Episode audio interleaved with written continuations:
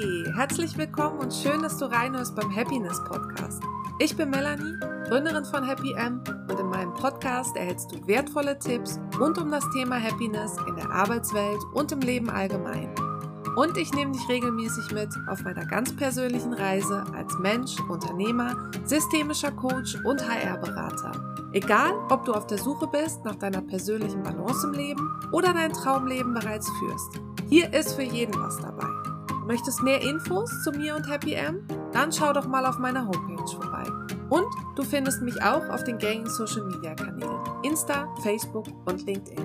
Ach ja, und vergiss nicht, meinen Podcast zu abonnieren. So kannst du sicher sein, dass du keine Folge verpasst. Und jetzt wünsche ich dir ganz viel Hörfreude und neue Impulse mit dem Happiness Podcast. Hallo, hallo, hallo. Es ist wieder Freitag. Freitag, neue Folge des Happiness Podcast. Super, dass du wieder dabei bist. Freue ich mich riesig drüber. Und ich habe heute das Thema Führung mitgebracht. Ich habe äh, mal so ein bisschen zurückgeschaut, welche Themen ich äh, in den letzten Wochen ja mit euch geteilt habe und wo wir drüber gesprochen haben. Und ich äh, finde es eigentlich mal an der Zeit, um ein bisschen was zum Thema Führung zu sagen, zum Thema Führungskraft. Was ist eine gute Führungskraft? Was macht eine gute Führungskraft aus? Und ich, äh, ja, ich hoffe, euch, äh, euch interessiert. Äh, lasst mir gerne auch in den QAs hier unter diesem Podcast mal ein paar Feedbacks da. Ich finde das mega schwierig, um ehrlich zu sein. Ich sehe natürlich, ähm, also für diejenigen, die sich nicht mit Podcasts auskennen, ich sehe nämlich überhaupt nicht, wer meinen Podcast hört. Also auch wenn ihr mir irgendwie folgt, dann sehe ich die Anzahl äh, meiner Followers, aber ich sehe nicht, wer das ist. Also ich habe keinen Namen, ich habe nur Geschlecht, ich habe äh, Alter, aus welchem Land und über welchen Kanal ihr den Podcast hört. Ähm, aber ich habe keinerlei Gesicht, keinerlei Idee, wer mir eigentlich ähm, zuhört. Also weiß auch nicht so richtig, was für eine Zielgruppe. Ich sehe natürlich, welche Folgen ähm, mehr gehört werden, welche Folgen weniger gehört werden. Ich kann auch sehen, bei welchen Themen ihr zum Beispiel nicht bis zum Ende hört. Aber schlussendlich äh, bin ich eben auch angewiesen auf eure Feedbacks, äh, um zu, ja, um zu hören, bin ich auf dem richtigen Weg, gefällt euch mein Podcast, welche Themen interessieren euch, welche interessieren euch äh, nicht. Aber gut, wir steigen mal äh, in das Thema ein und zwar Führung. Was ist eine gute Führungskraft? Was macht äh, jemanden zu einer guten Führungskraft? Meiner Meinung nach gibt es natürlich viele verschiedene äh, Meinungen drüber äh, interessiert mich auch eure Meinung. Äh? Seid ihr einverstanden mit dem, was ich hier gleich alles so zum Besten gebe oder nicht? Wo habt ihr noch Ergänzungen? Wo äh, seid ihr vielleicht auch anderer Meinung? Auch da, ich bin äh, super, super, super am Dialog interessiert, freue mich über jeden, der sich äh, bei mir meldet. Aber gut, lasst uns einfach mal anfangen. Eine gute Führungskraft in der heutigen Zeit für mich ist jemand, der für sich selber auf jeden Fall eine klare Vorstellung hat, wo er mit sich und seinem Team hin will. Und der sein Team dann auch gut mitnehmen kann auf dieser Reise und der äh, es versteht, dass er sein Team auch nach Input fragt und nicht äh, My Way or Highway, wie das äh, vor 20 Jahren so schön war. Der Manager oder der Vorgesetzte entscheidet und das Team läuft hinterher, sondern äh, für mich eine gute Führungskraft ist echt jemand, der für sich selber eine gute Vision hat und auch eine Zielsetzung für sich selber hat, aber der es auch versteht, die Mitarbeiter mitzunehmen auf der Reise und deren Meinung mitzunehmen, um gemeinsam zu einer Zielvision zu kommen. Weil es nur dann, glaube ich, echt, weil es dann nur von den Mitarbeitern auch getragen wird und die Mitarbeiter mit im Boot sind, äh, wenn sie mitgestalten dürfen.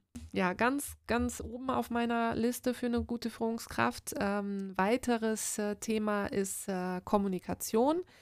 Also es muss, für mich muss eine gute Führungskraft auch jemand sein, der transparent kommuniziert, der deutlich kommuniziert, der weiß, welche Information er wann mit wem teilt und der sich auch ja auf allen Ebenen in der Organisation, sage ich mal, gut, ähm, gut bewegen kann und für jeden so ein bisschen den, den richtigen Ton trifft.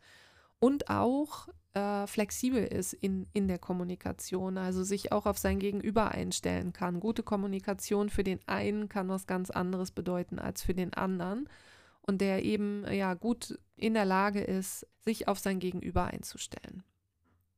Weiterhin ist äh, für mich eine gute Führungskraft jemand, der in der Lage ist, seine Menschen, sein Team, seine äh, Mitarbeiter und Kollegen zu motivieren und zu inspirieren, der aus einer positiven Grundhaltung heraus nach sein oder sein, sein Team anschaut und äh, ja, auf Basis von Stärken, auf Basis von persönlichen Vorlieben auch guckt, wen kann ich wie optimal einsetzen, wer möchte was für mich ist eine gute Führungskraft auch jemand, der auch einfach mal ein privates Wort wechselt, der gut weiß auch, wie geht es meinen Leuten echt. Nicht nur äh, gute Miene zum bösen Spiel hier auf der Arbeit und wir, wir sind alle ein bisschen oberflächlich miteinander unterwegs, sondern der auch wirklich ähm, ja, echtes Interesse an seinen äh, Mitarbeitern hat und äh, ja, nicht nur fragt morgens, hey, wie war das Wochenende? Und äh, wenn der Mitarbeiter antwortet, dreht er sich schon wieder um und äh, man sieht nur noch einen Dunst äh, oder einen Kondensstreifen.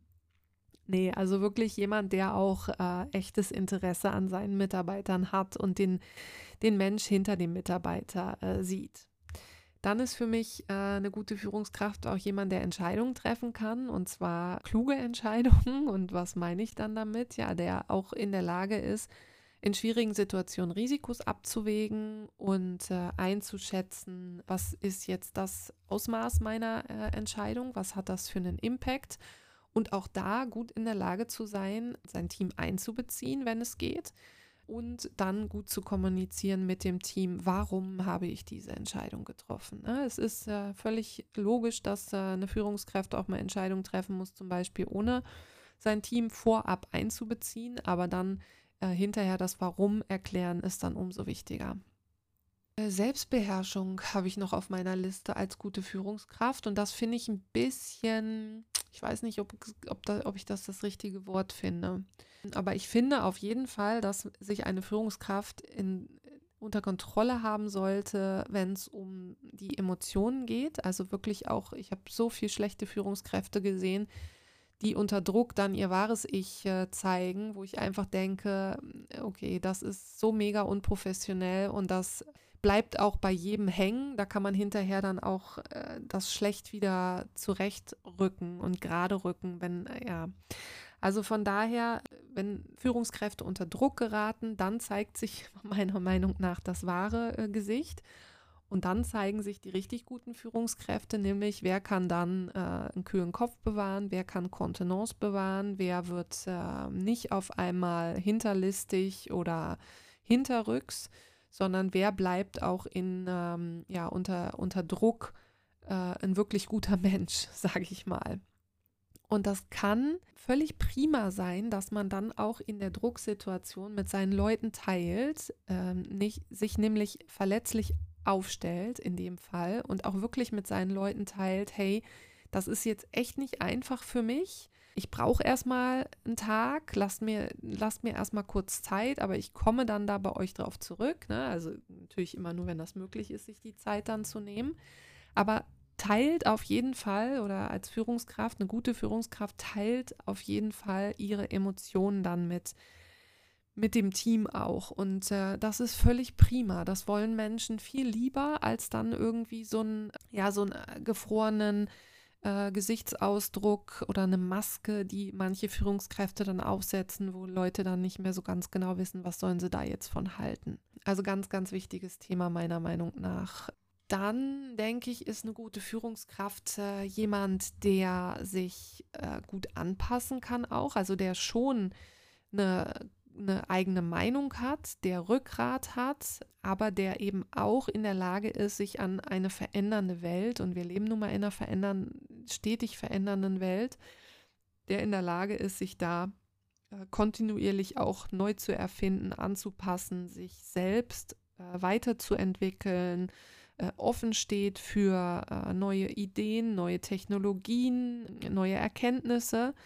Super, super, super wichtig, äh, finde ich, ähm, um, äh, ja, um dann auch sein Team oder ihr Team äh, weiterentwickeln zu können. Weiteres Thema, super wichtig, finde ich Integrität, dass man einfach auch ja, fair miteinander umgeht, dass man äh, integer ist. Das bedeutet, ähm, ich finde immer das Schlimmste, wenn Führungskräfte ihren eigenen Mitarbeitern in den Rücken fallen. Also eure Leute müssen echt das Gefühl haben, dass ihr immer hinter ihnen steht und da wie eine Bank ähm, und wie ein, ja, wie so ein, so ein Tiger oder wie sagt man das? Ja, wie so ein nee, Löwenmama, ne? eine Löwenmama ihre, ihre Kinder beschützt. Also das ist, finde ich, super, super wichtig, dass äh, ne, da one-on-one -on -one kann sich alles gesagt werden, kann alles äh, Feedback äh, geteilt werden, aber in Richtung äh, Außen sollte eine Führungskraft immer, immer hinter ihrem, äh, hinter ihrem Team stehen oder vor seinem oder ihrem Team stehen. Was ich auch immer wichtig finde, ist, dass eine Führungskraft eine gewisse, äh, ja, ein gewisses Vorbild äh, gibt, zum Beispiel hinsichtlich der Unternehmenswerte, hinsichtlich allgemeiner Werte und Normen. Wie gehen wir miteinander um? Wie wollen wir einander Feedback geben? Wie fördern wir einander? Wie, was auch immer ähm, dass man auch wirklich sieht, ja, einfach practice what you preach, dass die Führungskraft zu jeder Zeit, ja, Vorbild, Vorbildverhalten zeigt und äh, ja, dass, dass Menschen sich da auch dran äh, orientieren können und nicht, dass äh, die Führungskraft irgendwie was tut, wo sich, ja, wo sich die eigenen Leute hinterher nicht mit äh, identifizieren können. Was super wichtig ist, finde ich aber auch, ist, dass niemand perfekt ist. Ich habe jetzt hier so eine ganze Armada von Punkten genannt. Ja, der perfekte, der perfekte Vorgesetzte, die perfekte Führungskraft. Ich finde, einer der aller, aller, aller wichtigsten Punkte ist, eine Führungskraft muss authentisch sein und muss echt sein und muss sie selbst oder er selbst sein. Und niemand ist perfekt, aber teilt das auch dann gut mit euren Leuten und äh, sprecht miteinander ab, wie, wie, ja, wie ist die Gebrauchsanweisung äh, in bestimmten Fällen. Also ich glaube, wenn man super, super Teamzusammenhalt hat und wenn jeder, wenn jeder wirklich sein seinen echten Charakter zeigen kann und wenn man da auch gut miteinander drüber spricht, dann ähm, dann ist das echt, ja, dann ist Authentizität, Authentizität einer der größten und wichtigsten Punkte einer Führungskraft und Selbstreflexion. Also das Schlimmste ist, wenn Führungskräfte selber denken, sie sind irgendwie die geilsten, sorry mein, mein Ausdruck, aber dass äh, 95 Prozent oder 98 Prozent der Belegschaft sagen, der geht gar nicht oder die geht gar nicht.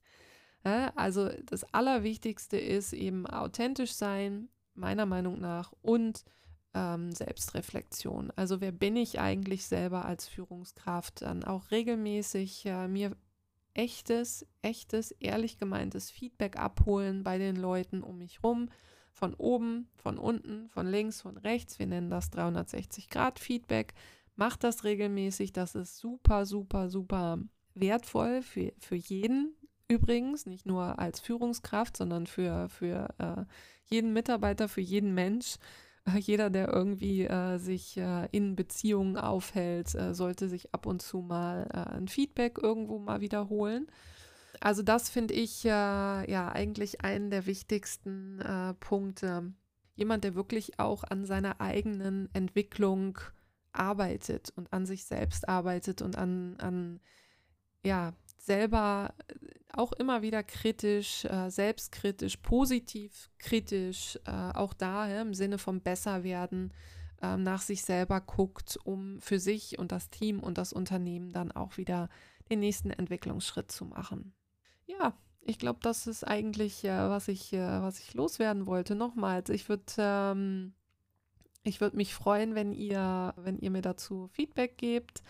Äh, seht ihr das auch so? Seht ihr das nicht so? Ähm, möchtet ihr noch was ergänzen? Würde ich mich, naja, wie schon jetzt zehnmal gesagt, mega drüber freuen. Danke schon mal im Voraus und ich hoffe, ich konnte euch wieder ein bisschen inspirieren. Ich hoffe, wir, ihr seid ganz, ganz tolle Führungskräfte, ganz authentische Führungskräfte, wenn ihr das jetzt hier hört. Oder ich hoffe, dass ihr mit äh, ganz tollen Führungskräften zusammenarbeiten dürft. Und äh, wenn nicht, dann schickt sie gern mal in mein Coaching. Und ich, ja, ich wünsche euch noch einen äh, schönen Freitag, ein schönes Wochenende. Lasst es euch gut gehen und wir hören uns nächste Woche wieder im Happiness Podcast. Ciao. Das war wieder eine Folge des Happiness Podcast. Hast du Fragen oder Feedback für mich oder Ideen zu Themen, die du gerne im Podcast hören würdest? Dann schreib mir eine Mail an melanie at happym.eu oder schick mir eine Nachricht auf Insta oder LinkedIn. Hat dir die Folge gefallen?